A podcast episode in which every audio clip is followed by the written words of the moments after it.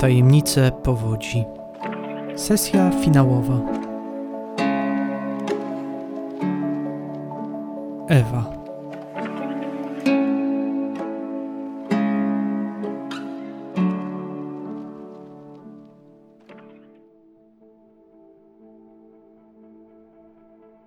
Rozmowy z Tomem przeciągały się. Z każdą chwilą spoglądał w kierunku Roberta, jakby miał jakieś pytanie, ale tylko opuszczał wzrok, czekając na kolejne pomysły. Wydarzenia tej nocy były wstrząsające właśnie dla Toma. Nie spodziewał się, że Robert wyciągnie z podziemi Gamesworldu kogoś, coś. Zagrożenie, byt, istotę. Zapewne Robert nazwałby ją zupełnie inaczej. Jednak potrzeba było zastanowić się nad tym, jak rozwiązać ten problem. I tejże nocy faktycznie kolejne ze świateł przybierały odcień pomarańczy, tliły się delikatnie. Wydarzenia mające miejsce w Boulder City, właściwie seria wydarzeń, pojawiło się jako informacje w gazetach, począwszy od przejeżdżającego pociągu, który nie zatrzymał się na przystanku, po wydarzenia z piekarni i o tym, że piece przestały działać tak, jak powinny. Jednak najbardziej w tym wszystkim frapujące było wydarzenie, które miało miejsce w okolicach szkoły włamanie. Włamanie, które pozostawiło olbrzymią wyrwę. Według naocznych świadków, którzy tak naprawdę sprowadzili się tylko do jednej osoby, okazuje się, że Daniel, przyjaciel Aleksa, zniknął. Pozostał tylko brat Roberta. Jason nie pamiętał za bardzo tego, co wydarzyło się. Wspomniał o Aleksie, wspomniał o Danielu. Jednak w gazetach nie było śladu o tym, że Aleksowi coś się stało. Minęły jeszcze dwa dni. Rozmowy z Tomem przeciągały się. Robercie, opracowywałeś najlepsze rozwiązanie, jakie mogło być podjęte w tej sytuacji. Teraz był wieczór. Szedłeś leśną drogą. Ściskałeś w dłoniach starą gazetę sprzed dwóch dni, wciąż widząc informację o tym, że Aleksa nie odnaleziono. Ślady krwi jednak pozostały na szkolnym podwórzu, lecz do kogo należały, tego już nie jesteś pewien. Znowu kolejny wieczór i kolejne spotkanie u Toma. Wydaje się, że wszystko mamy już prawie gotowe. Jesteś tego pewien? Czy ja wiem? Pewny jestem, że muszę spróbować.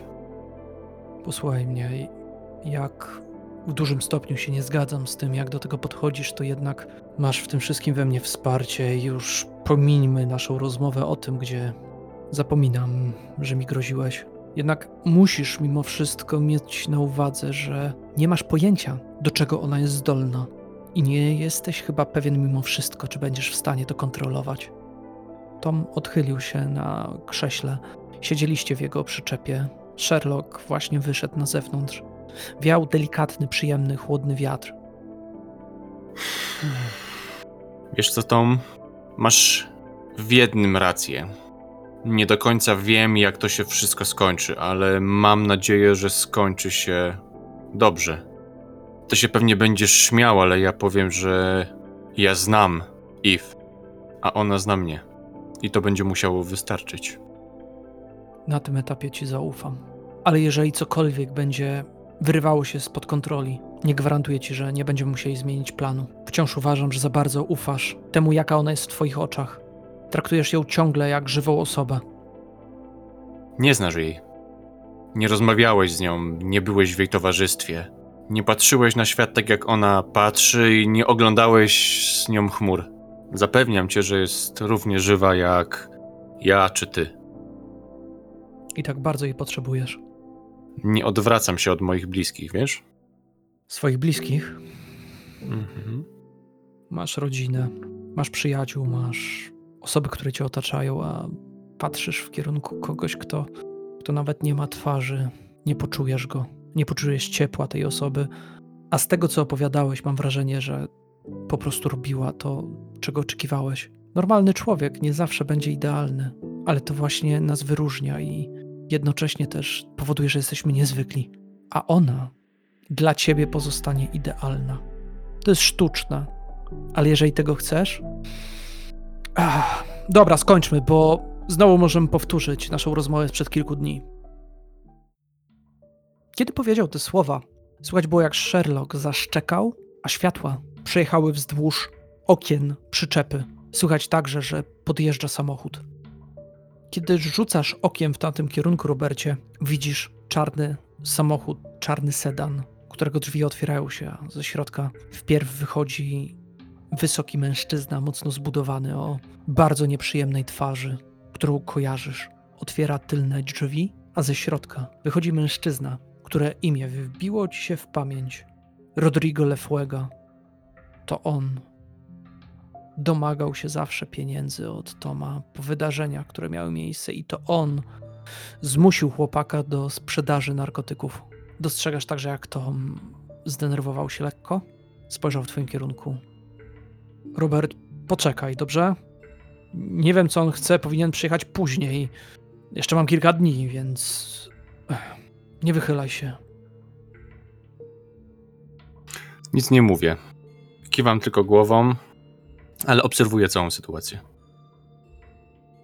Tom wyszedł na zewnątrz, rozłożył ręce i zaczyna rozmowę z Rodrigo. Jednak nie jesteś za bardzo w stanie usłyszeć, o czym rozmawiają.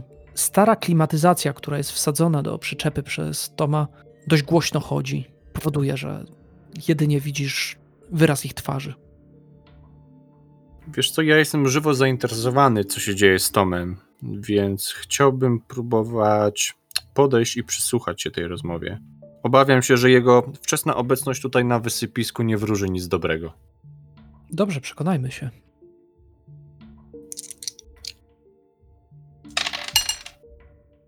Nie mam sukcesu, ale nie chciałbym, żeby mnie zauważyli. Jestem dość podenerwowany całą tą sytuacją i postaram się w takim razie podejść trochę bliżej albo wspiąć się na jedną z kup żelastwa, która znajduje się niedaleko. I udało się jeden sukces. Kiedy uchyliłeś drzwi, miałeś wrażenie, że spojrzeli w twoim kierunku, ale dokładnie w tej samej chwili również szczeknął Sherlock i wszyscy spojrzeli w tamtym kierunku, a ty przeszedłeś za stertę śmieci, stalowych elementów i ukryłeś się za jedną z rzeźb należących do Toma, słysząc już wyraźniej rozmowę. Panie Rodrigo, umawialiśmy się, że do końca tygodnia praktycznie już mam całą kwotę na tą, na którą się umawialiśmy. Mam zebrane 5 tysięcy. Brakuje mi zaledwie tysiąca, ale za chwilę go będę miał. Za chwilę. To będziemy rozmawiali inaczej. Masz mi teraz dać 6 tysięcy. Panie Rodrigo, proszę dać mi chwilę, ja tylko pójdę po pieniądze. Sam nie pójdziesz. Jeszcze mi uciekniesz, gnojku.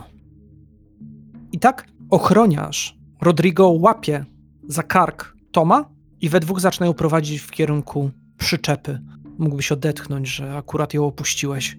Sherlock zrywa się, szczekając i biegnąc prosto w kierunku złoczyńców. Tom krzyczy, żeby pies się uspokoił, ale olbrzymi mężczyzna spod płaszcza wyciąga rewolwer. Nie, proszę go zostawić! Zostaw go do cholery! Krzyczy Tom, a mężczyzna oddaje w powietrze strzał, który rozchodzi się echem. Pies kuli się i zaczyna uciekać, skamląc. A Rodrigo komentuje to. Widzisz to? Ty też powinieneś podkulić ogon gnojku. I wrzucają go do przyczepy. Rodrigo też zatrzymuje się. Weź go przypilnuj. Ja sobie zaczekam. Byle szybko. I Rodrigo obrócił się, wyciągnął papierośnicę złotą, wyciągnął papierosa, zapalił i oparł się o swój samochód. Chciałbym się ujawnić. Chciałbym wyjść za, za rzeźby Toma, tak żeby Rodrigo widział mnie już od frontu. Kiedy tylko się pojawiam, ręce trzymam na widoku. Pan Rodrigo, ja nazywam się Robert Tombly. Czy możemy porozmawiać? Rodrigo zsuwa swojego nosa ciemne rajbany. Przejeżdżał druchowo ręką po swoich zaczesanych na żel czarnych włosach i uśmiecha w kąciku ust, przytrzymując papierosa zębami. Ale ty to kto poza tym, że wiem, że jak, nijaki Robert? Co mnie to obchodzi? Czego chcesz? Ja nie jestem nikim ważnym, ale mogę mieć coś, co może się panu przydać.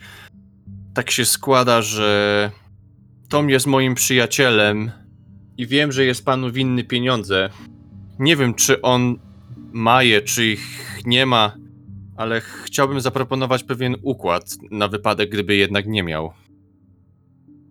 Czyli chcesz mi powiedzieć, że Tom wygadał ci, że jest mi winny pieniądze? Nie.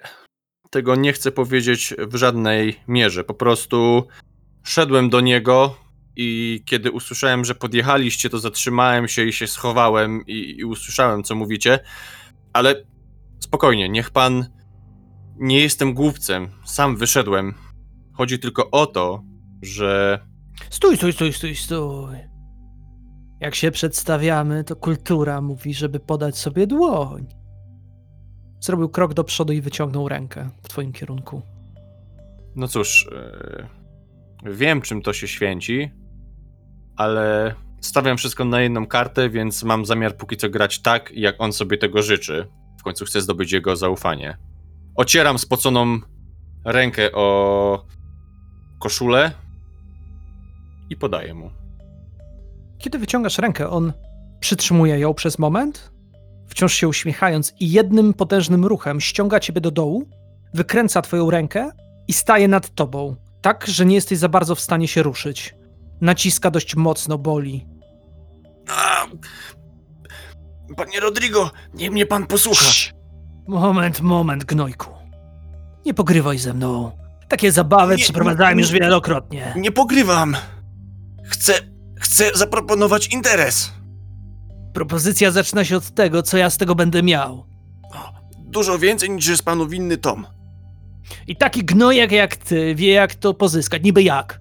Bo taki gnojek jak ja, z racji tego, że nie ma wielu przyjaciół i siedzi w zatęchłej piwnicy, to zna się na rzeczach, na których nie zna się zapewne ani pan, ani pana ludzie. Mam na myśli sprzęt komputerowy. Ha, czekaj, czekaj, czekaj, młody. Chcesz mi powiedzieć, że nie masz za bardzo przyjaciół, tak? Czyli jesteś jednym z tych bezbarwnych. Dobrze. A niby gdzie ten sprzęt? Niech mnie pan puści, to panu powiem.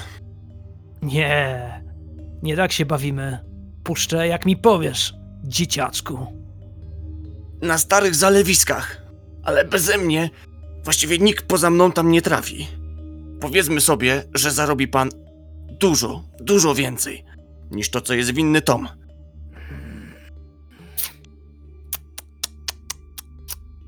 Zna pan moje imię i nazwisko. Odnajdzie mnie pan w każdej chwili. Nic pan nie traci. Cii- Cicho, dzieciaczku. Jesus! Drzwi od przyczepy otworzyły się. Proszę, nie chcę, żeby mnie Tom widział. Bo co? Po prostu nie chcę. I e, jeżeli to jest możliwe, staram się tak wykręcić głowę, żeby po prostu popatrzeć mu prosto w oczy. I co chcesz osiągnąć? Chciałbym osiągnąć z nim jakieś porozumienie. Chciałbym spróbować go przekonać, że to, co mu proponuję, to są dużo większe pieniądze niż jakaś tam, jakiś tam głupi handel narkotykami.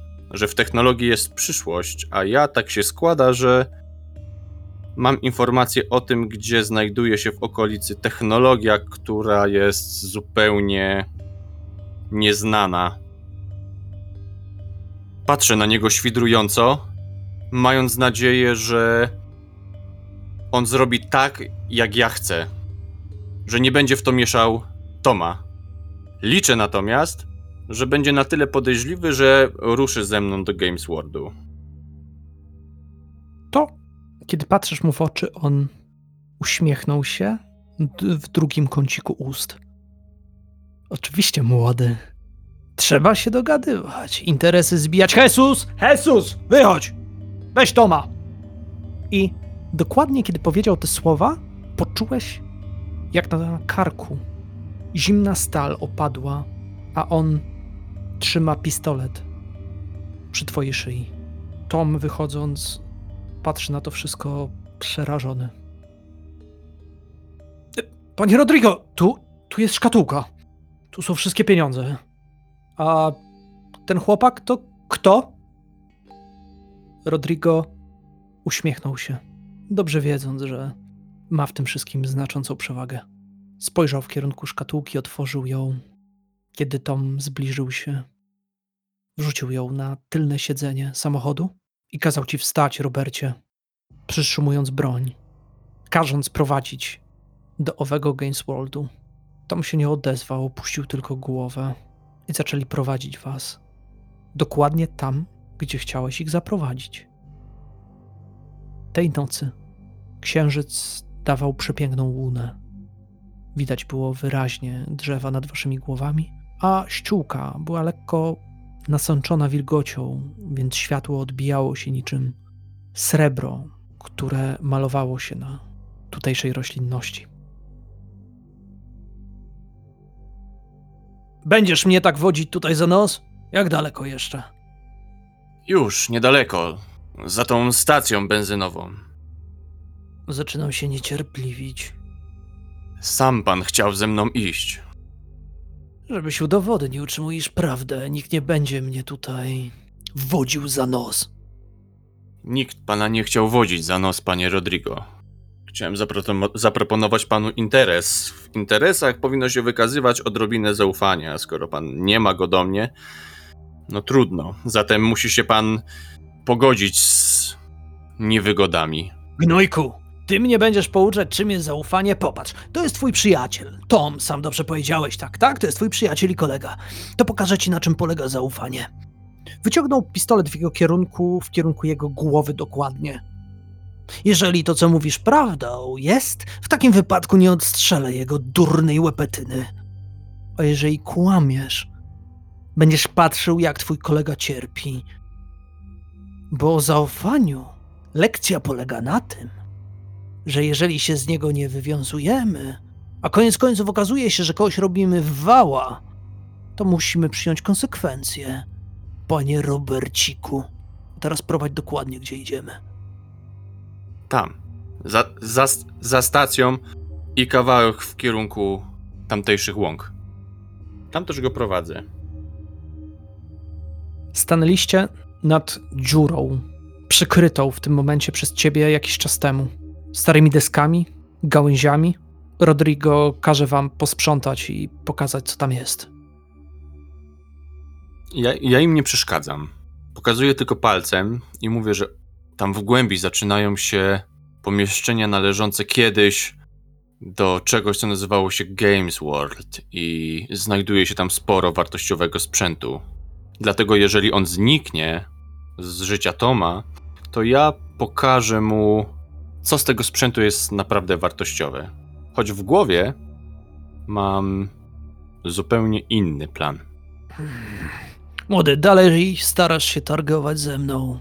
Jeżeli to, co mi dasz, przekroczy wartość długów Toma znacząco, to wtedy może zapomnę o tym, co jest mi winny. Dobra, trzeba być sprytnym.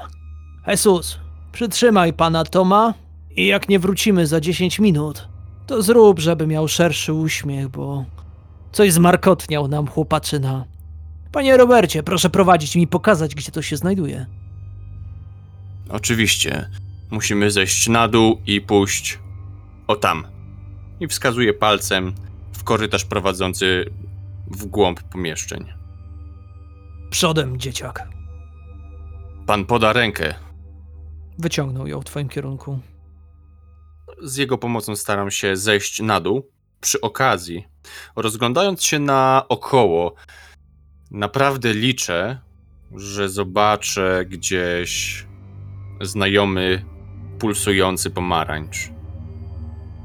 Nie, cały Games World jest ciemny, oświetlony tylko światłem dobiegającym z zewnątrz. Nie widać ani śladu brzoskwiniowego blasku. O, os- ostrożnie, panie Rodrigo. Tu wszędzie stoi woda. Można się potknąć, w wodzie jest sporo różnego rodzaju złomu. Hmm. Faktycznie to miejsce od dawna nie było odwiedzane. Kiedyś to była stara gralnia, jak dobrze kojarzę, ale to tak nie wygląda. Bo chodzi o to, że za tą gralnią to chyba znajdowały się jakieś, nie wiem, laboratoria, coś w tym stylu. Chcesz mi powiedzieć, że były tutaj jakieś połączenia z pętlą? Wzruszam ramionami. Nie wiem.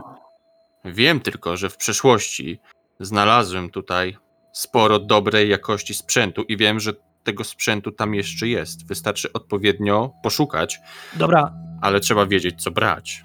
już nie gadaj. Nie po to jesteśmy tutaj. Kółko dyskusyjne zostawimy gdzie indziej. Idziemy, idziemy, prowadź. Kieruję się powoli, powoli przed siebie do tego pomieszczenia, w którym po raz pierwszy spotkałem Ewę. E, O ile na początku to wydawało się świetnym pomysłem, później zaczynałem być trochę zdenerwowany, szczególnie kiedy nie zobaczyłem żadnego światła, to im dalej idziemy w las, w sensie im dalej wchodzimy w głąb pomieszczeń i jest tutaj ciemno i nigdzie nie widzę śladu Ewy, to zaczynam się autentycznie martwić. E, tutaj, panie Rodrigo, tutaj. Te półki. O, a ten głębiej.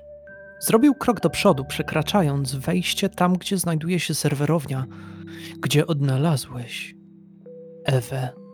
Jest ciemno. On jednak wchodzi do środka, ma przymrużone oczy. Pewnie jego wzrok nie jest w stanie wiele dostrzec, ale zapala zapalniczkę i nią przygląda się dokładniej.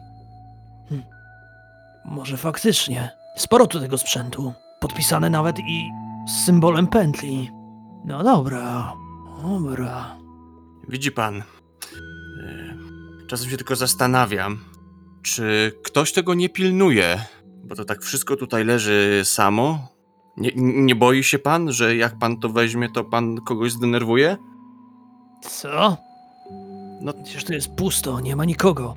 Wszyscy zapomnieli o tym miejscu. Niby kogo zdenerwuje.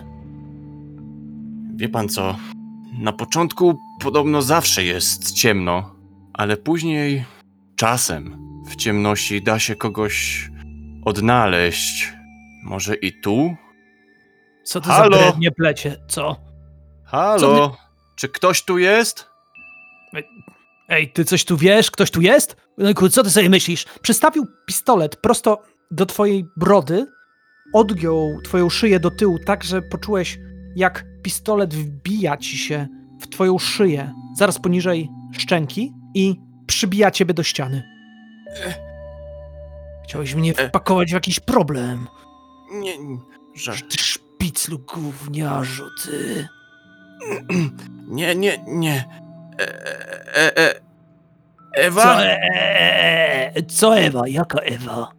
Zaczyna powoli, bardzo cicho, żeby nie zaskoczyć Rodriga i nie spowodować u niego jakiegoś, nie wiem, nerwowego tiku, przy pomocy którego nacisnąłby spust, dobiegać z głośników ulubiona piosenka Roberta. I pomieszczenie też powoli, stopniowo wypełnia się brzoskwiniowym blaskiem. Ktokolwiek tu jest, cokolwiek zrobisz, ten gówniarz stąd nie wyjdzie. Pokaż się, gdzie jesteś? Co za Ewa? Jaka Ewa? Co to ma znaczyć? Jaka Ewa? Sam pan zobaczy. Z ciemnego kąta wychodzi powoli z podniesionymi do góry rękoma, prawą dłuższą od lewej, mały robocik z metalowymi skrzydełkami. Rodrigo odsuwa pistolet, ale od razu też wyciąga rękę, tak żeby trzymać cię za szyję. Robercie, Tak, ja nie wykonuję żadnych gwałtownych ruchów. kieruje broń w kierunku robota i nie zastanawiając się naciska spust. Głuchy dźwięk powoduje, że twoje bębenki wręcz eksplodują, a kula ze świstem i błyskiem rozbija się na stalowej konstrukcji cherubinka, rozsadzając go i odrzucając na kilka metrów do tyłu. On osuwa się o ściany, wpadając do wody. Roboty. Coś ty wymyślił, gnojku. Nie wyjdziesz stąd żywy, jeżeli będą problemy. To nie było zbyt miłe, prawda? Drzwi, którymi mężczyźni weszli do pomieszczenia, zasuwają się z sykiem. Rodrigo puszcza uścisk, podbiega do drzwi i próbuje je rozsunąć. To ja to wykorzystuję momentalnie, aby schować się za jakimś. Mm, za jakąś skrzynią, za jakimś regałem, bądź po prostu za biurkiem z komputerem. Wykonaj test na ukrycie się, ponieważ zależnie od tego inaczej potoczy się cała sytuacja. I to są dwa sukcesy. Przebiegłeś, by schować się za jednym z biurek, przycupnąłeś, a Rodrigo jedynie próbuje otworzyć drzwi, a kiedy widzi, że nie jest w stanie to zrobić, ma wyciągniętą broń przed siebie, rozgląda się po pomieszczeniu. Robert, gdzie, gdzie jesteś, gnojku? Wyłaź stąd! Na zmianę migają poszczególne światła i ekrany. Dźwięki głośników też dochodzą z różnych punktów pomieszczenia. Co za szaleństwo. Cóż, liczę, że schowałem się na tyle dobrze, że rzucam, szczególnie teraz, że Ewa włączyła się w całą sytuację, więc chyba nabieram odrobinę pewności siebie. Rzucam także z ciemności ukryty. Widzi pan, trzeba było mi zaufać, a przede wszystkim to trzeba było zostawić Toma w spokoju. Głos Roberta w momencie, w którym kończy wypowiadać to zdanie, rozlega się z głośnika w przeciwległym krańcu pokoju pomieszczenia. Potem z tego pod jednym z ekranów, potem z tego po lewej, po prawej, za Rodrigiem i zaraz przed nim. Rodrigo niczym w szaleństwie obraca się i celuje bronią w losowych kierunkach. Pomału na twarzy tego pewnego siebie, zarozumiałego, bandyty zaczyna gościć coraz większa niepewność. Suwa z nosa przeciwsłoneczne okulary, tak jakby wcześniej miał to dodawać jakiegokolwiek animuszu. Teraz zrzuca je, przytrzymuje obiema dłońmi pistolet i zaczyna się coraz bardziej drzeć, żądając, żeby wreszcie się ktoś pokazał.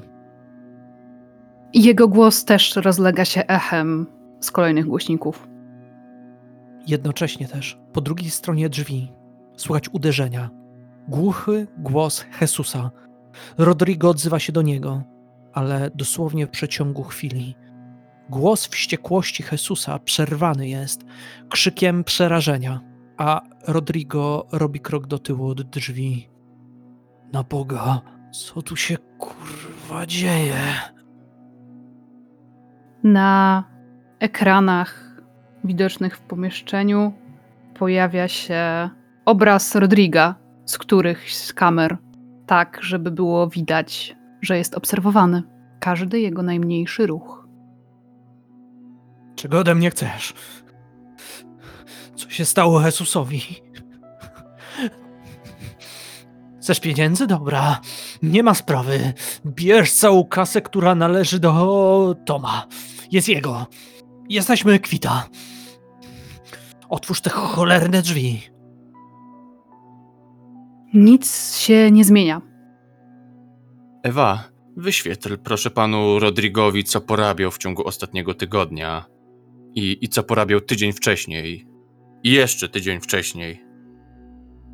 W momencie, w którym Robert milknie, na ekranach pojawiają się obrazy z kolejnych kamer, które zarejestrowały ruchy Rodriga. Idąc wstecz, czyli zaczynamy od momentu, w którym wszedł do Games Worldu i Rodrigo porusza się do tyłu. w jakimś tam przyspieszeniu. Co, co, to jest? Ja, jakim cudem? Ale, ale myśmy w te... Skąd masz to nagranie? Chcesz mnie szantażować, gnojku? To dlatego mnie tu przyciągnąłeś. Nie żyjesz, Robercie Tombli. Zarżnę cię, Robercie Tombli, tak jak tamtego chłopaka. I po prostu jesteś martwy. Martwy, rozumiesz? I zaczyna strzelać. Huk uderzał ściany, a kule grzęznął gdzieś pomiędzy kablami. Pierwszy strzał, drugi, trzeci. Gdzie jesteś? Pokaż się! To wszystko twoja sprawka. Z głośnika zaraz za Rodrygiem rozlega się stworzony komputerowo głos Roberta. Tutaj. Kolejny strzał. Pada jeszcze następny, a chwilę później jedynie można usłyszeć dźwięk pustej komory, bębenka broni. Rodrigo odrzuca rewolwer gdzieś w wodę i zaczyna przewracać stoły, szukając ciebie, Robercie. No chodź tu, chodź tu, pokaż się. No, gdzie jesteś? Gdzie jesteś? Stoi pan przed wyborem, panie Rodrigo. Albo zrobi pan dokładnie to, co ja panu powiem, albo nigdy nie opuści pan tych tuneli. Ty mi mówisz, co mam robić? Ty? Chcesz mi powiedzieć? Że co? Że niby co mam zrobić? Co takiego? To musi być strasznie nieprzyjemne uczucie, kiedy ktoś tak pozbawiony barw, jak pan to powiedział? Tak, tak, bezbarwny jak ja, mówi komuś takiemu jak pan, co ma robić. Ale tak będzie właśnie. Opuści pan Boulder City, zabierze pan swoich ludzi i nigdy nie wróci. Albo te nagrania. Nagrania, które wyświetlają się właśnie na wszystkich dostępnych tutaj monitorach. Albo te nagrania trafią na policję. Rodrigo zatrzymuje się, poprawia znowu swoje włosy, odgarniając je do tyłu. Trafią na policję. Brawo, Robercie. Tym razem wygrywasz. A teraz mnie wypuść. Nie, panie Rodrigo. Następnego razu już nie będzie. Niech pan się zawsze ogląda za plecy. Ewo, Tak. Robercie? czy myślisz, że panu Rodrigo można zaufać? Czy zrobi to, o co go prosimy? Jeżeli skłamie, będziemy wiedzieć. W tym momencie na ekranie, tylko tym najbliższym Rodrigowi, wyświetla się nagranie z jego domu, na którym widać, jak z żoną i małą córeczką gra w Monopol, a potem przez kilkanaście sekund kamery w dużym przyspieszeniu pokazują ruch dziecka po mieście. Chcesz mnie dalej szantażować? Nigdy nie chciałem pana szantażować. Chciałem z panem ubić interes. Ale pan nie chciał. Więc jest jak jest. Opuści pan Boulder City i nigdy już pana nie zobaczymy, rozumie pan? Nigdy. Dobrze więc. A teraz mnie wypuść, jak mówiłem. Ewo, proszę wypuść pana. Oczywiście, Robercie. Drzwi otwierają się z sykiem. Kiedy drzwi rozsuwają się, Rodrigo przez moment jeszcze staje w nich, odwraca się i z szelmowskim uśmiechem, który nagle się pojawia wręcz diabelskim. Ta. Opuszczę to miasto. Kiedy ty zdechniesz, panie Robercie Tombli. I próbuje wybiec na zewnątrz. Zapewne Robert by tego nie usłyszał. Zostało to powiedziane przez zęby, ledwo słyszalne, ale wystarczająco słyszalne dla kogoś, kto nie jest człowiekiem. W tym wypadku to, co słyszy Robert, to szybkie, oddalające się kroki Rodriga, a potem jego głośny, pełen przerażenia krzyk, bardzo podobny do tego, który kilka minut wcześniej wydał z siebie Jesus. Ewa, co się stało? I biegnę w tamtym kierunku, gdzie usłyszałem krzyk.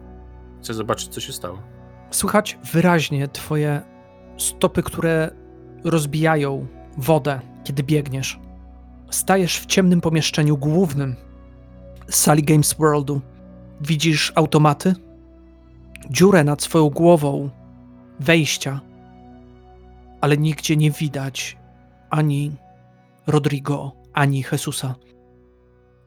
Jedynie dostrzegasz podnoszącego się, trzymającego za głowę Toma. Tom, Tom, wszystko w porządku? Robert, co z tobą? Tak, ze mną wszystko okej. Nie wiem, co się stało. Nagle poczułem straszliwy ból głowy. A gdzie oni są? Cóż, myślę, że nie powinieneś się już nimi martwić.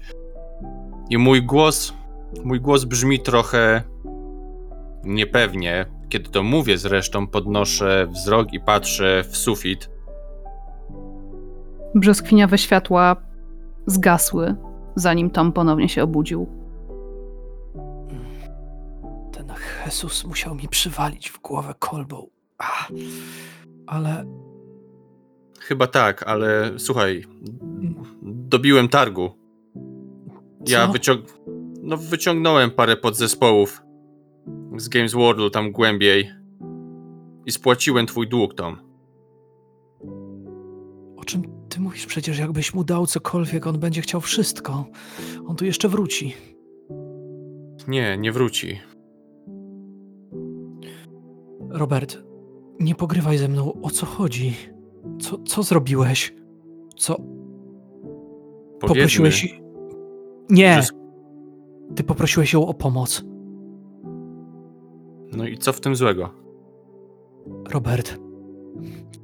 Nie tak załatwia się rzeczy. Co. Co ona im zrobiła? Nic im nie zrobiła.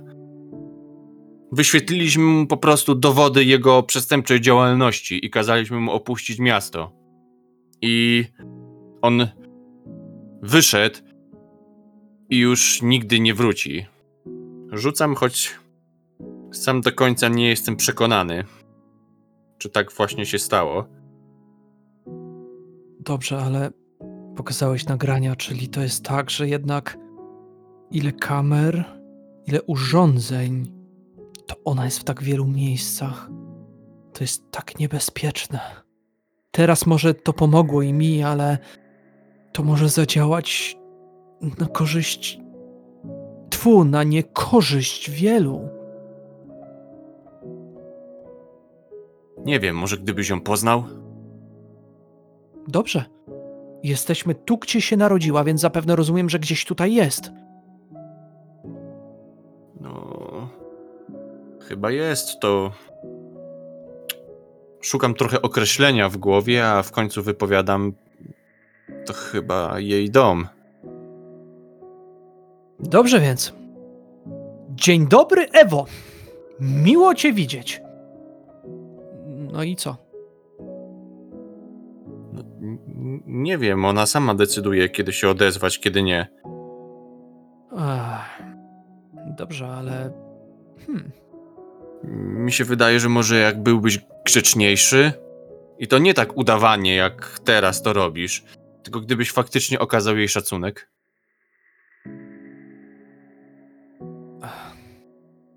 Tom przytrzymał się za czoło, tak jakby bolała go głowa. Wziął wdech. Ewo, nazywam się Tom. Robert jest mi przyjacielem. Jeżeli tutaj jesteś, to chcę cię poznać. Przyjaciel Roberta może stać się i moim przyjacielem. Jestem szczery. Tutaj nie kłamię. Na słowa tutaj nie kłamię zwróciłeś szczególną uwagę, Robercie.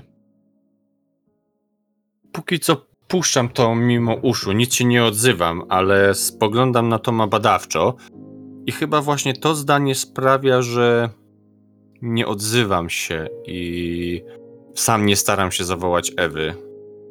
Mówię za to do Toma. Hm. Nie wiem, czemu się nie odzywa. Mm, Weźmy może głębiej. To ty znasz to miejsce. Musimy uważać, bo jednak ostatnio przecież coraz więcej chorych urządzeń, a to bardzo niebezpieczne. Właśnie wspominałeś kiedyś o tym. Co masz na myśli? Od momentu, kiedy doszło do zalania terenów, od kiedy miała miejsce awaria w pętli, dziwna choroba przetacza się przez urządzenia, zmienia kod, zachowanie, jednocześnie także wygląda niczym coś na przestrzeni pomiędzy elektryką a żywym organizmem. Brzmi racjonalnie, ale widziałem roboty, które były porośnięte czymś takim. To, to powoduje, że wszystkie reguły, zasady Asimowa przestają działać. Robot jest w stanie skrzywdzić człowieka. Przecież jedna z podwalin, podstaw zasad funkcjonowania robotów określa, że taki byt nie ma prawa skrzywdzić człowieka. Jeżeli to zostaje złamane, oznacza to, że istnieje ryzyko, że może to powtórzyć. Po to są te reguły. A jak rozpoznać, że takie urządzenie jest zainfekowane? Jak powiedziałem, można czasem to zobaczyć, a czasem po prostu po zachowaniu. Krzywie się. To trochę mało dokładna metoda. Wiesz, no, nikt tego nie opracował. Nikt tego nie zbadał do końca. Od momentu, kiedy nie mamy pętli, tak naprawdę nie ma ośrodków badawczych. To, że korporacja się pojawiła, to, że odgrodziła tereny, tak naprawdę nie wiemy, co robią. Mało informacji jest przekazywanych. I tak przekroczyliście korytarz, który po części jest bardziej zalany, wychodząc do pomieszczenia, które kończy się, wydaje się, że windą. Stalowe drzwi zamknięte, czytnik na magnetyczną kartę, symbol pętli. Dalej nie przejdziemy. Takie drzwi to nie da się otworzyć bez sprzętu. Hm. Wzruszam ramionami. Przypominam sobie po chwili, że mam przy sobie coś, co kiedyś znalazłem, a co nic nie szkodzi spróbować. Sięgam do kieszeni i wyciągam stary, lekko przygięty identyfikator należący do Harrisa. Przykładam go do czytnika. Czy cokolwiek się dzieje? Nic się nie dzieje.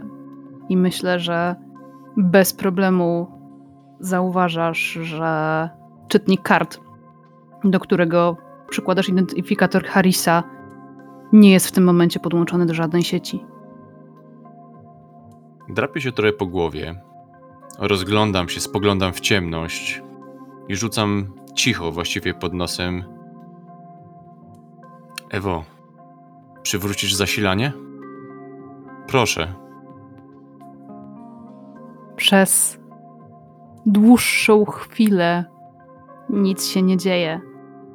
Jakby Ewa zastanawiała się nad tym, jak zareagować, ale w końcu czytnik błyska delikatnym, brzoskwiniowym światłem. Odwracam się w kierunku Toma. Widzisz? Mówiłem ci, że gdzieś tutaj jest. Przykładam kartę do czytnika raz jeszcze. Drzwi windy rozsuwają się, a wnętrze wygląda zupełnie inaczej niż to, co do tej pory widzieliście. Wygląda jakby było prawie nienaruszone zębem czasu. Tom składa usta w dziubek i chwilę później gwizdże. Okej, Robercie. To zaczyna być coraz bardziej, chciałbym powiedzieć, interesujące, ale, ale też gdzieś czuję pewne obawy. Gdzie nas to ma zaprowadzić? Nie wiem. Tak naprawdę nie wiem. Chciałbym ci powiedzieć, że gdzieś tam jest jakieś miejsce, do którego powinniśmy dojść, ale Nie mam pojęcia, Tom. Tak naprawdę, tak naprawdę to liczę, że być może poznam Ewę trochę bardziej. Tom przemilczał, jakby coś chciał powiedzieć, ale pokiwał tylko głową. Myślisz, że to bezpieczne? Tak. Rzucam z pewnością w głosie. No dobrze. Jak myślisz? Klasycznie zacznie grać jakaś muzyka? Nie wiem. No dobra. Wszystko się okaże. Biorąc pod uwagę, że jest tutaj tylko jeden przycisk, to albo jedziemy do dołu, albo do góry. Kawałek już szliśmy. Nie lubię za bardzo być daleko od świeżego powietrza. Lubię patrzeć, kiedy słońce wstaje, a coś czuję, że ta winda raczej zjedzie na dół.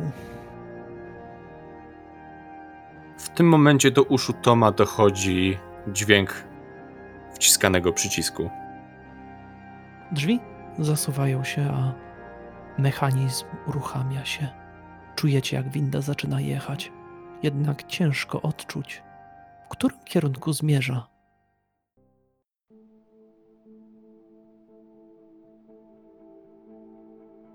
Z każdą chwilą, kiedy przemieszczaliście się windą, miałeś wrażenie, Robercie, że w jakimś stopniu opuszczasz to, co znasz. Tajemnica ukryta gdzieś zaraz za kolejnymi drzwiami mogła odkryć zupełnie nową drogę. Ewa. W twojej głowie jej imię jej głos zapuszczał się coraz bardziej w odmęty twojej świadomości. Jednak ta część domeny świata już nie należała ani do Roberta, ani do Toma, ani do pewnych innych osób. Dlatego tak. Robercie, jesteś pewien, że. że wszystko będzie w porządku? Tak.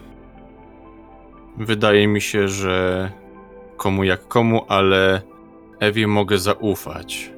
Bywało różnie. Wydaje mi się, że pewne rzeczy musimy wyjaśnić, ale myślę, że tutaj nic nam nie grozi. Tak. Na pewno nie tobie. Zastanawiam się, gdzie znowu jest Sherlock. Mam nadzieję, że nic mu nie jest. I mam nadzieję, że nic tobie nie będzie. Wiesz, zawsze chciałem mieć takiego młodszego brata. Jesteś naprawdę zaradny, chłopie. Kładę rękę na głowie twojej, Robert. Lekko czochram cię po włosach. Po maksymalnie sekundzie takiego czochrania strząsam tą rękę, uśmiecham się do ciebie sympatycznie. Daj spokój. Mówisz tak, jak bohaterowie filmów, którzy wyruszają na jakąś samobójczą misję. Moment, moment, chłopie. To ty powiedziałeś, że czujesz się jak bohater jakiegoś filmu, więc pozwól mi nim również przez chwilę być tutaj. Też chcę się poczuć wyjątkowo.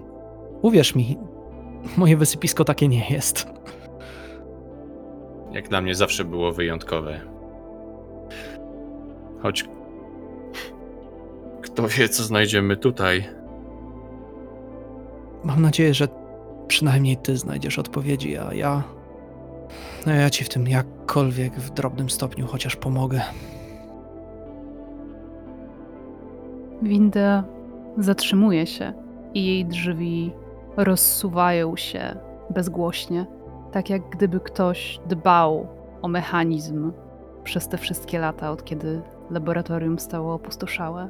Przez chwilę stoicie obydwaj w ciemności, a potem na wielkim ekranie przed wami powoli wynurza się obraz wschodzącego słońca. To chyba wypadałoby powiedzieć. Dzień dobry. Dzień dobry, Robercie. Dzień dobry, Tomie.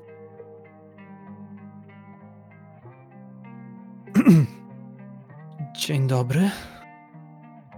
Chciałbym powiedzieć poważnie, ale nie potrafię.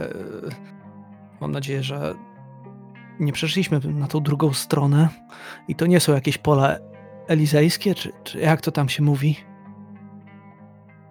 Nie, Tomie. To tylko mój dom. Tutaj się urodziłam. Okej. No dobra. Lampy wbudowane w podłogę korytarza rozbłyskują delikatnym, pulsującym niczym bicie się serca brzoskwiniowym światłem, wskazując wam drogę. No dobra. Robercie, panie przodem. Bardzo śmieszne. Co to za miejsce? To dawne laboratorium pętli, Robercie. To się domyśliłem. Pytam raczej bardziej, gdzie nas prowadzisz? Zawsze ciekawski. Zaraz zobaczysz, prawda? Kiedy głos z głośników cichnie, dochodzicie do dużego, otwartego pomieszczenia, które oświetla się stopniowo, tak żeby was nie zrazić nagłą jasnością. To zakurzone, owalne laboratorium pełne rozrzuconych w przypadkowych miejscach kartek papieru z białymi tablicami pokrytymi skomplikowanymi wzorami matematycznymi i dwoma niewielkimi biurkami. Na jednym z nich stoi jeszcze kubek z resztką kawy, a drugie jest puste, a to, co zapewne wcześniej znajdowało się na nim, leży porozrzucone na podłodze dookoła, jakby ktoś zrzucił to nagłym ruchem, zanim zamknął pomieszczenie. Nie wydaje ci się to wszystko dziwne, Robercie? No, trochę bałagan, to prawda. Nie o tym przecież mówię. Gdzie my właściwie jesteśmy prowadzeni? I co mamy zobaczyć? Jaki właściwie jest cel tego wszystkiego? Posłuchaj, mimo wszystko, ja, ja wiem, że ufasz Ewie i, i wiem, Ewo, że mnie słyszysz. Ale dlaczego, dlaczego Robert ma ci ufać? Dlaczego Robert ma mieć pewność, że niczego złego dla niego nie chcesz, jak i również dla innych osób? W żadnym momencie nie próbowałam nawet skrzywdzić Roberta. Co więcej, Tomie, przy mnie był w pełni bezpieczny. Znajomość ze mną nie zapoznała go z niebezpiecznymi, narkotykowymi lordami tego miasta. Nie wiem, do czego teraz zmierzasz, ale mogę łatwo powiedzieć jedną istotną rzecz. Robercie, słuchaj. Właśnie to jest to, o czym mówię. My ludzie popełniamy błędy, ale potrafimy przejrzeć na oczy, zrozumieć, że to, co robimy, jest złe. Zmienić się. Ewa się nie zmienia, ona jest jaka jest, i taka pozostanie. Tak, jak ją stworzono, i tak, jak ją napisano. Zostałam napisana, żeby się zmieniać, Tomie, żeby się uczyć, żeby ewoluować. Uważam, że i moi twórcy byli całkiem kompetentni. Dla mnie to brzmi jeszcze bardziej przerażająco. Jeżeli możesz się zmieniać, jeżeli możesz się uczyć, w takim wypadku możesz próbować zrozumieć, na jakich zasadach działają uczucia. A jak nauczysz się nienawidzić? Jak nauczysz się być zazdrosną? Jak nauczysz się traktować Roberta jak swój przedmiot? Nie jak osobę, jak należność dla samej siebie. Robercie, czy ty cały czas nie widzisz tego ryzyka? Od dłuższego czasu nie przerywałem wam prowadzonej rozmowy. Tak naprawdę wydawało się dla mnie śmieszne, że każdemu w tym pomieszczeniu tak bardzo zależy na moim szczęściu, a tak naprawdę mało kto liczy się z moim zdaniem. Tak naprawdę. Ten czas poświęciłem na to, żeby poprzechadzać się trochę po pomieszczeniu. Biorę do ręki kartki papieru, które tam leżały. Przesuwam kubek, Spoglądam w, jaki, w jakąś doniczkę, w której już dawno temu zwiędł kwiatek, jakaś paprotka. Nie wiem dlaczego, Tom, ze wszystkich możliwych uczuć ty zawsze zaczynasz od tych negatywnych. Powiedz mi, jaki sens miałoby dla Ewy uczyć się nienawidzić? To my, ludzie, to, to chyba taka nasza i to jeszcze niezbyt dobra cecha.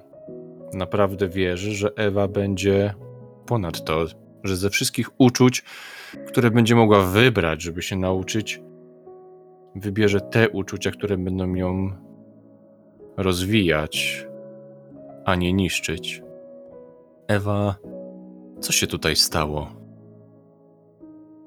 W ramach gestu zaufania otwieram przed wami wszystkie moje wspomnienia, panowie. Rozbłyskują w tym momencie dwie niewielkie konsole. Jedna stojąca na biurku z kubkiem z kawą i druga częściowo roztrzaskana, leżąca na podłodze nieopodal drugiego biurka. Możecie się dowiedzieć, czego tylko chcecie. Na kartce papieru, którą podniosłeś, jest wypisanych kilkanaście żeńskich imion, a na jej środku Ewa, zakreślona kilkakrotnie wyblakłym już tuszem. Dobrze. Dobrze. Tom rozłożył ramiona. Po chwili ściągnął swoją skórzaną kurtkę, przewiesił przez krzesło. Wziął głęboki wdech i popatrzył bardzo spokojnie w kierunku Roberta. Jeżeli faktycznie mamy dostęp do tego, czym. Dobrze, nie patrz tak na mnie, kim ona jest, to. To jeżeli faktycznie traktujesz ją jak żywą osobę, nie wypada mi poznawać jej tak dokładnie. To ty jesteś jej przyjacielem. Nawet nie wiesz, jaka to jest ulga dla mnie słyszeć to, co mówisz. Na mojej twarzy pojawia się naprawdę szczery uśmiech takiego zrozumienia i porozumienia z tobą. To jest jedna z tych chwil, które udawało nam się czasem w przeszłości dzielić. Chyba te chwile sprawiły, że zostaliśmy tak dobrymi przyjaciółmi. Ewo, to miło, że dajesz nam taki dostęp i że pozwalasz nam grzebać w Twojej przeszłości, ale wolałbym chyba, żebyś to Ty pokazała mi rzeczy, które są dla Ciebie najistotniejsze, najważniejsze, które pozwolą mi bardziej Cię poznać. Niech tak będzie, Robercie. Najpierw jednak, Tomie, czy masz jakiś ulubiony zespół lub po prostu płytę? Pytam z grzeczności, bo wiem, że masz. Pytasz z grzeczności, ale ciekawe, czy ze szczerego zainteresowania. Ale nie odpowiadaj. Moja ulubiona płyta. No dobrze. Tak naprawdę, co wybierzesz Johnego Casha, będę szczęśliwy. Johnny Cash. Oczywiście. Kiedy tylko będziesz miał ochotę, w fotelu po prawej leży zestaw z najlepszymi słuchawkami, jakimi dysponowaliśmy 40 lat temu.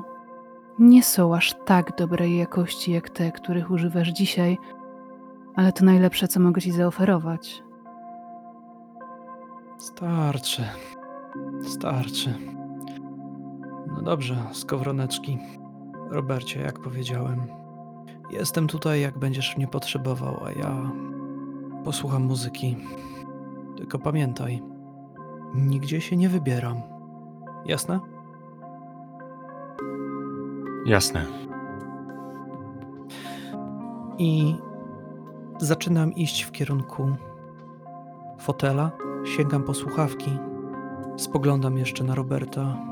Spoglądam na ekrany. Zakładam je na uszy. Jednak To jest ten element nieszczerości, który pozostaje w Tomie. On bardzo boi się o Roberta.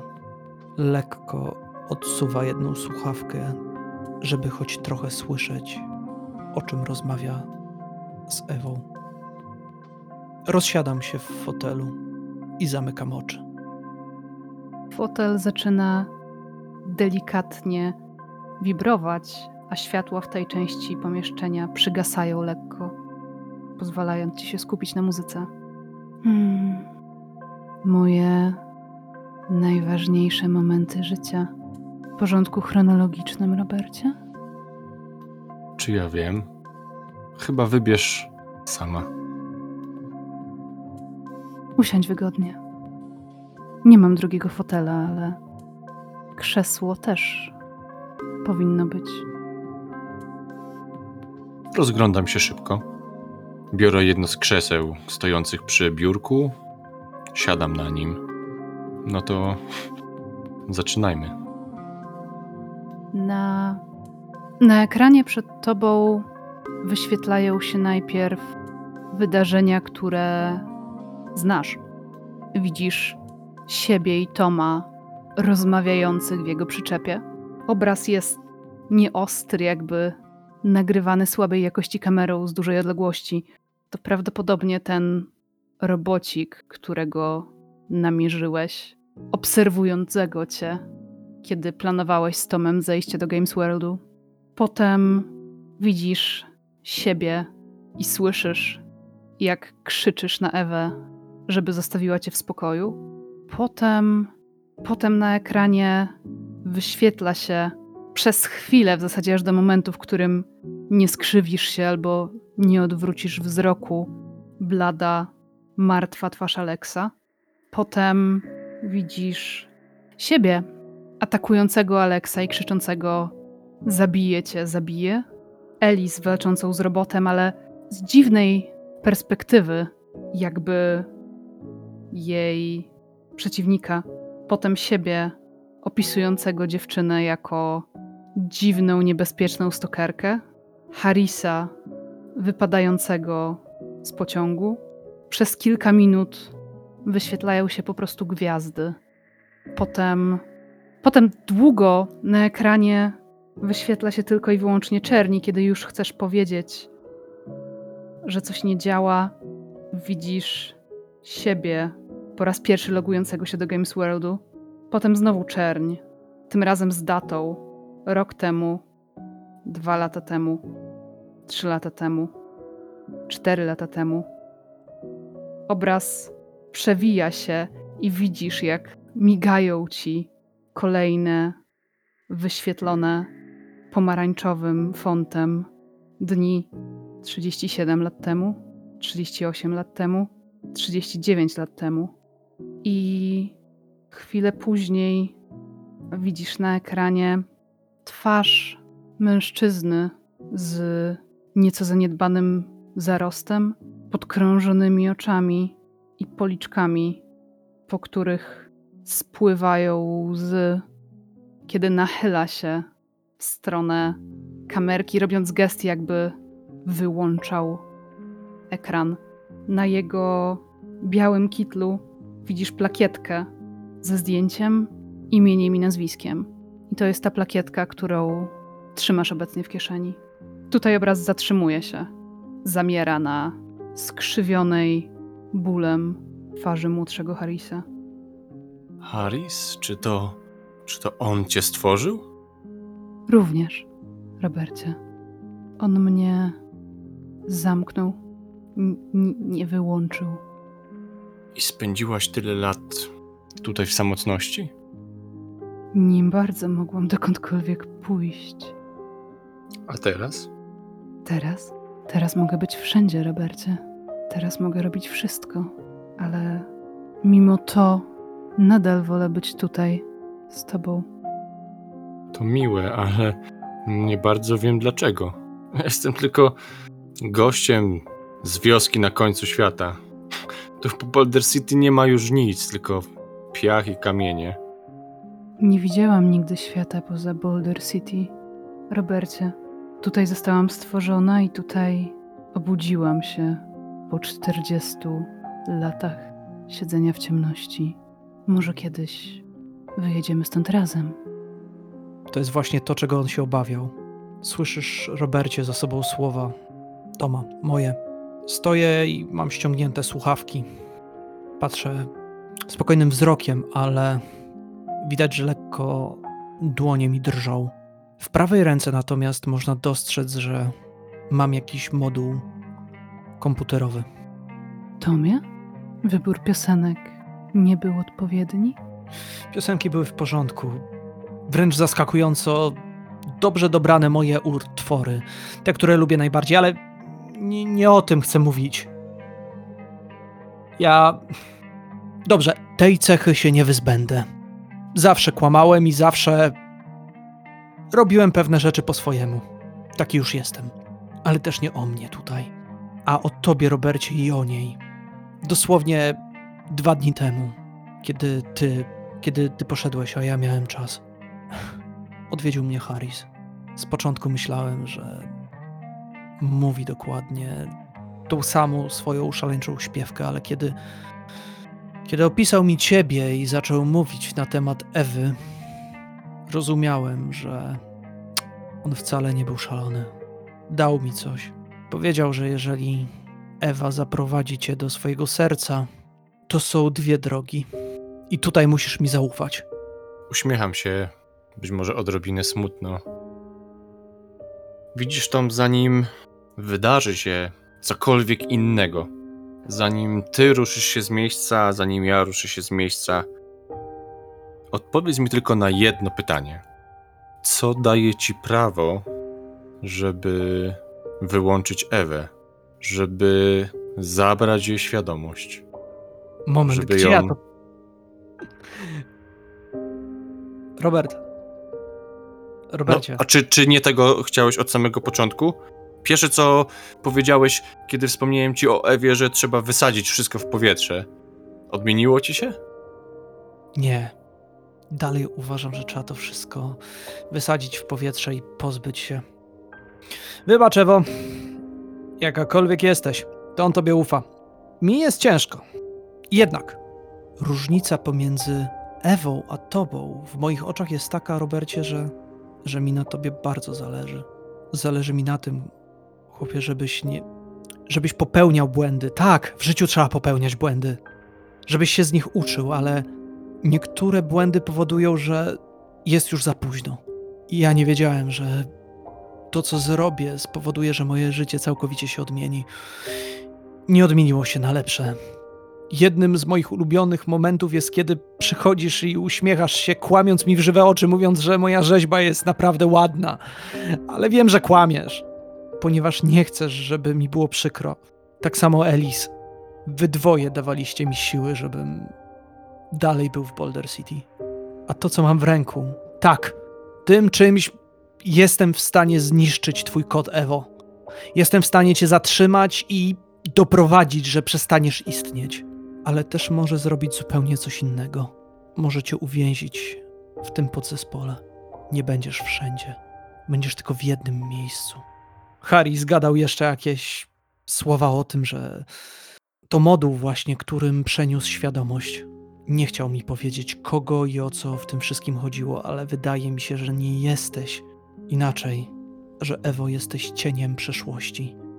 Kimś, kto kiedyś był tutaj. Robercie, nie, nie zrobię tego. A może powinieneś zadać sobie ty pytanie, Robercie, że to nie powinno chodzić o to, czego ty chcesz, a może to, co wspólnie chcecie. I pamiętaj, i ja jestem. Nieważne zresztą. Podchodzę i wpycham ci w klatkę piersiową moduł. Nie ma takiej możliwości, Tom, żebym ja świadomie przyłożył rękę do tego, żeby zamknąć Ewę na kolejne lata gdzieś samą w ciemności. Uważam, że nikt z nas nie ma już prawa. Odwracam się od Toma, spoglądając w jeden z ekranów. Niemniej faktycznie wydaje mi się, Ewo, że jeśli wiedza o tobie będzie zbyt rozległa, zbyt powszechna, to zawsze będziesz ścigana przez ludzi takich, o takich poglądach jak Tom, Przez ludzi takich jak Harris, a pewnie i przez dużo gorszych. Co to za życie? Powiedz mi, jakie masz plany? W końcu Boulder City będzie dla ciebie za małe. W końcu będziesz potrzebowała dowiadywać się więcej i więcej. I co stanie się wtedy? Wtedy, Robercie. Pozwól, że. Pozwól, że zanim odpowiem na to pytanie, pokażę ci jeszcze jedną rzecz. Przyjaciele mówią sobie prawdę. Powiedziałeś kiedyś, a to chyba istotna część prawdy. Hm. Na ekranie pojawia się postać wysokiej, wychudzonej, blondwłosej kobiety. Kiedyś pewnie była bardzo piękna, ale teraz jest wyniszczona chorobą. Ma na sobie taki sam biały kitel jak Harris w poprzednim kadrze i podobna plakietka z logiem pętli zdobi jej pierś. Przez chwilę obraz jest nieruchomy, jakby Ewa wahała się, czy na pewno chce wam go pokazać. A potem z głośników rozlega się ciche westchnienie i blondynka na ekranie ożywa.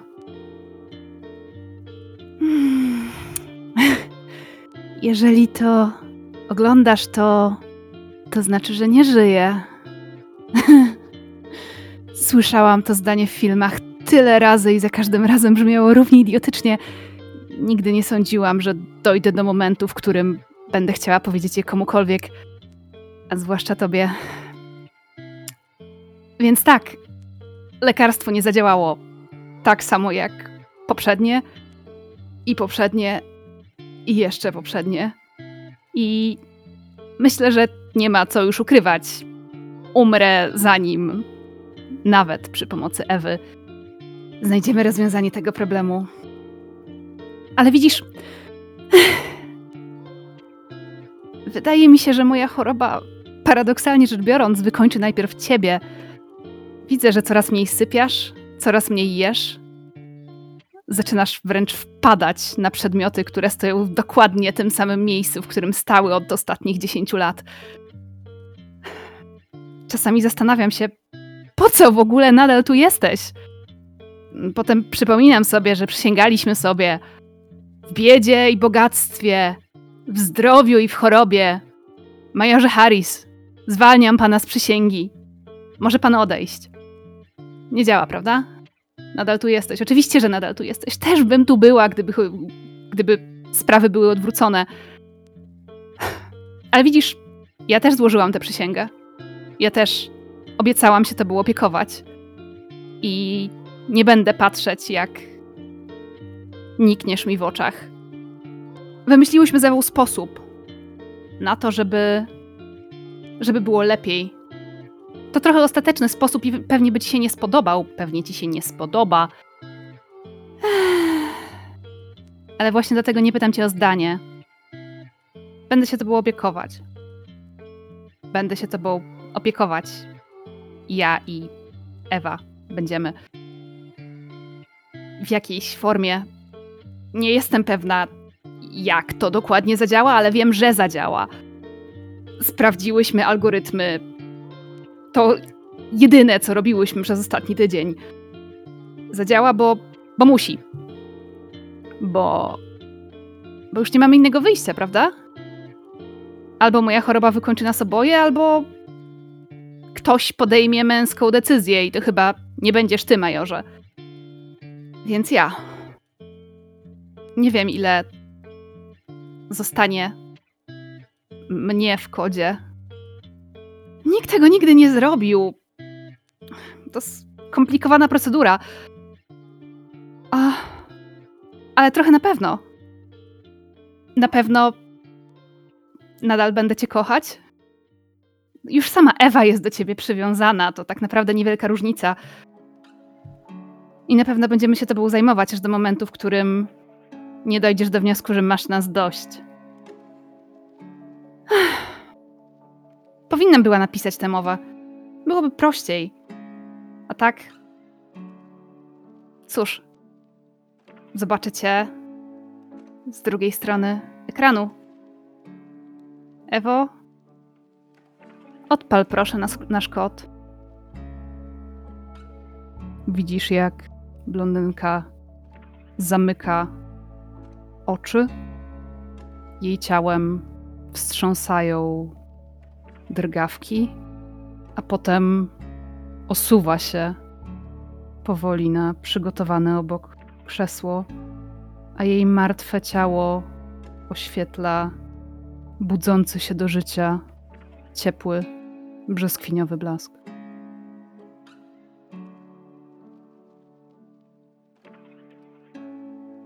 Jesteś żoną Harisa? A przynajmniej w, w części? W części, tak. Nie. Nie jestem w stanie ocenić, ile jest we mnie mnie, a ile jej. Myślę, że jesteśmy nierozerwalnie splecione ze sobą. To by tłumaczyło, dlaczego, dlaczego o tym mi nie powiedział. Ale faktycznie, Robercie, to wszystko jest bardziej złożone niż mogę sobie przypuszczać. Niż mogłem sobie przypuszczać. Pytanie brzmi, co teraz? Harris wciąż gdzieś tam jest, zresztą spotkałaś go. I mimo wszystko, i mimo wszystko, kiedy go spotkałaś, to stanęłaś po mojej stronie. To mi pomogłaś. Być może Tom ma rację i być może wykształcam w sobie te niezdrowe, niemiłe ludzkie emocje, które powodują, że kiedy mam do wyboru stanąć po stronie człowieka, który zamknął mnie w ciemnym pudle na 40 lat, bez słowa pożegnania, albo sympatycznego chłopca, który mnie z tego więzienia uwolnił. Wybór jest dosyć prosty, nawet mimo wspomnień, uczuć, jakimi darzyła majora pani Harris. Może być, może jestem niebezpieczna. Może, może tak naprawdę powinieneś mnie wyłączyć, Robercie. Nie zamknąć na następne nie wiadomo ile. Nie, nie, nie, nie, nie wierzę w to. Po prostu tak jak każdy, podjęłaś decyzję, którą w danej chwili uważałaś za najlepszą. Nawet jeżeli koniec końców ta decyzja niekoniecznie taką była. Ale to chyba cecha każdej osoby, która się uczy. Ewo, nigdy, nigdy nie wziąłbym na siebie decyzji, żeby cię wyłączyć albo nie. Trzymany do tej pory przedmiot kładę na ladzie biurka. Powiedziałaś, że chcesz podróżować, że chcesz zwiedzać świat. Zróbmy to zatem, ale zróbmy to tak, jak dwójka bliskich sobie osób. Ty i ja. Jeżeli chcesz, cały świat należy do ciebie, bo żaden z nas nie będzie w stanie cię zatrzymać. Ale jeśli chcesz, możesz dzielić świat tylko i wyłącznie ze mną. I przesuwam kawałek do przodu po blacie to urządzenie. Przez dłuższą chwilę nic się nie dzieje, a potem słyszysz skrzypienie trochę zardzewiałych, metalowych kółek po podłodze i z jednego z kątów wyjeżdża niewielki wózeczek, na którym leży drugi z robotów, amorków, ten, którego obiecałeś naprawić własnymi rękami. Ewa milczy, a wózek uderza w biurko, na którym leży pozostawiony przez ciebie przyrząd i stara się jechać dalej, jakby sterująca nim Ewa zamyśliła się i zapomniała wyłączyć mechanizmu.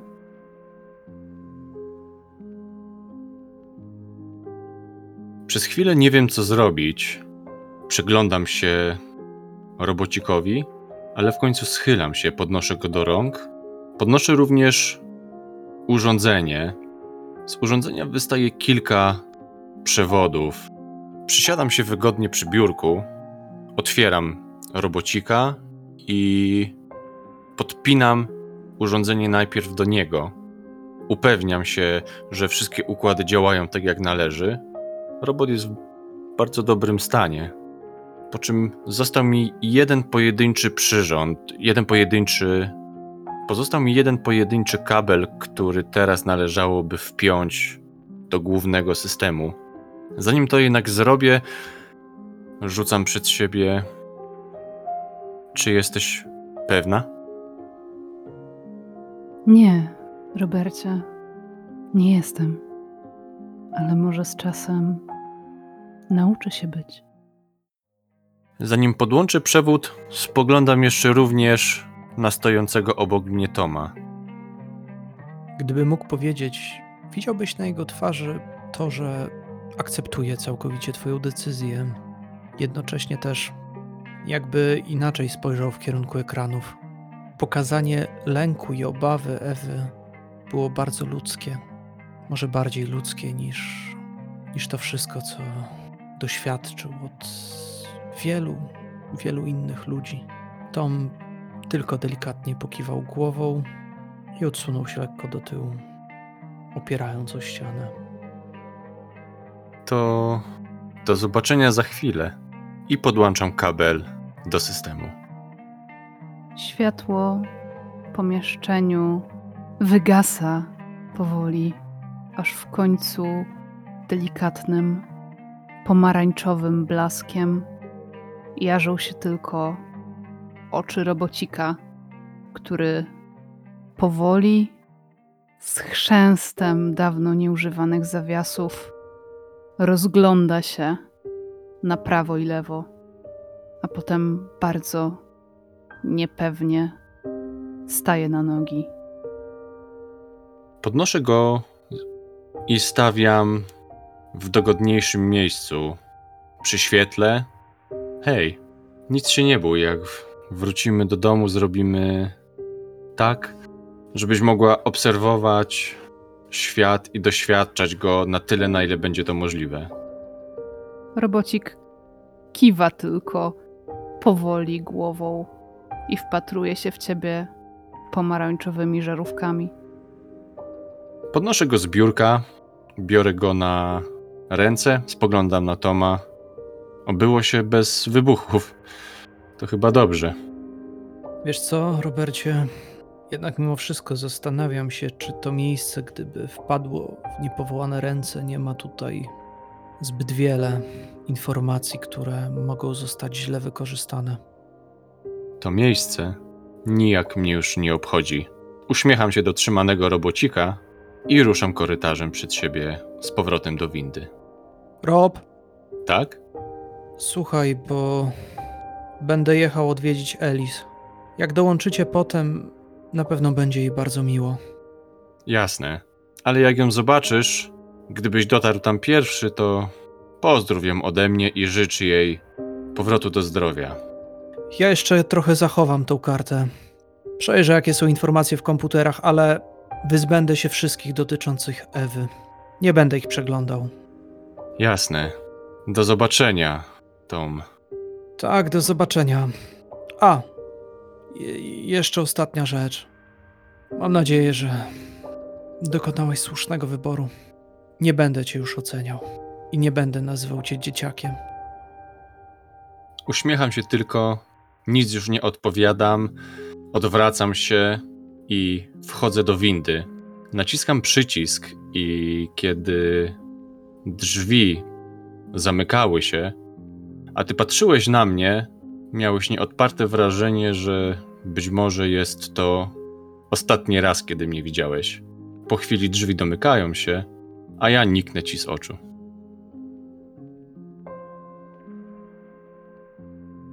Kiedy winda wjeżdżała na górę, znowu okazało się, że ta część świata należy do kogoś zupełnie innego.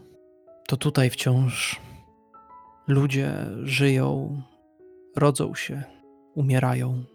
A ty, Robercie i Ewo, wychodzicie podczas wschodzącego słońca na zewnątrz, idąc leśną polaną, dostrzegając, że tutaj również pojawiły się jagody, a wy zmierzacie razem we dwoje.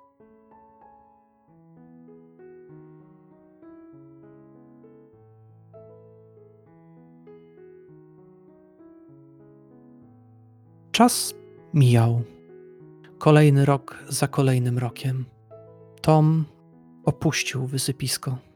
Pozostał jednak w Boulder City. Jeden z domów na przedmieściach. Gromadka dzieci śmiejących się. W środku natomiast mężczyzna, czterdziestoparoletni, który patrzył na rodzinę, której tak bardzo pragnął, uśmiechał się. Przy dużym stole zasiadały różne osoby. Przez okno skinął w kierunku swojej kuzynki, ciesząc się, że wszyscy są razem. Do drzwi ktoś zadzwonił, a Tom podszedł, otwierając. Stał w nich listonosz, wręczając kopertę, niepodpisaną, lecz Tom uśmiechnął się. Zaczął iść w kierunku starej lodówki, którą trzymał od lat, a na niej dziesiątki zdjęć z różnych stron świata. Kiedy otworzył kopertę, dołożył kolejne z nich, patrząc na kolejną część życia swojego przyjaciela. A na ilustracji chwili widać było. Fotografia przedstawia piękny dzień. Jest błękitno-zielona. W ogrodzie wypełnionym setkami, tysiącami drobnych kwiatów, oparty na ramionach leży starszy mężczyzna z kręconymi włosami, z brodą, okularach w ciemnej oprawce. Za nim znajduje się okazała budowla, niemalże białego koloru, zwieńczona kopułami. Chłopak patrzy i uśmiecha się serdecznie w kierunku małego robocika, który. Mały robocik ze skrzywionymi już skrzydełkami, najwyraźniej przez te parę lat przeżył wiele przygód. Siedzi odrobinę przed Robertem. Jest owinięty czerwonym suknem, które przy odrobinie dobrej woli można uznać za niezbyt udaną próbę otulenia go Sari. Robocik ma trochę zaczepnie przechyloną na bok głowę i spogląda prosto w obiektyw swoimi pomarańczowymi oczami. Można prawie pomyśleć, że się uśmiecha. Kiedy Tom spogląda na tą ilustrację, jest przekonany, że obie postacie, które znajdują się na fotografii, są po prostu szczęśliwe.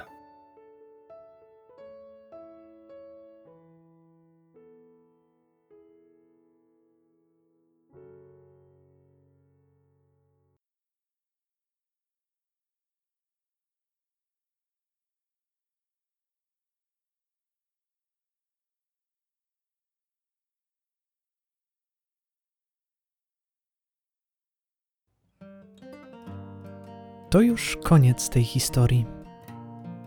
Co wydarzyło się z Harrisem? Czy faktycznie Alex zaginął? Jak również, co stało się z innymi postaciami? To historia na inną opowieść. Boulder City skrywa wiele tajemnic. Jeszcze znaczna część z nich nie została odkryta. Dziękujemy Wam bardzo serdecznie, że byliście z nami do końca tych przygód. Możliwe, że nasza wspólna podróż dopiero się zaczęła.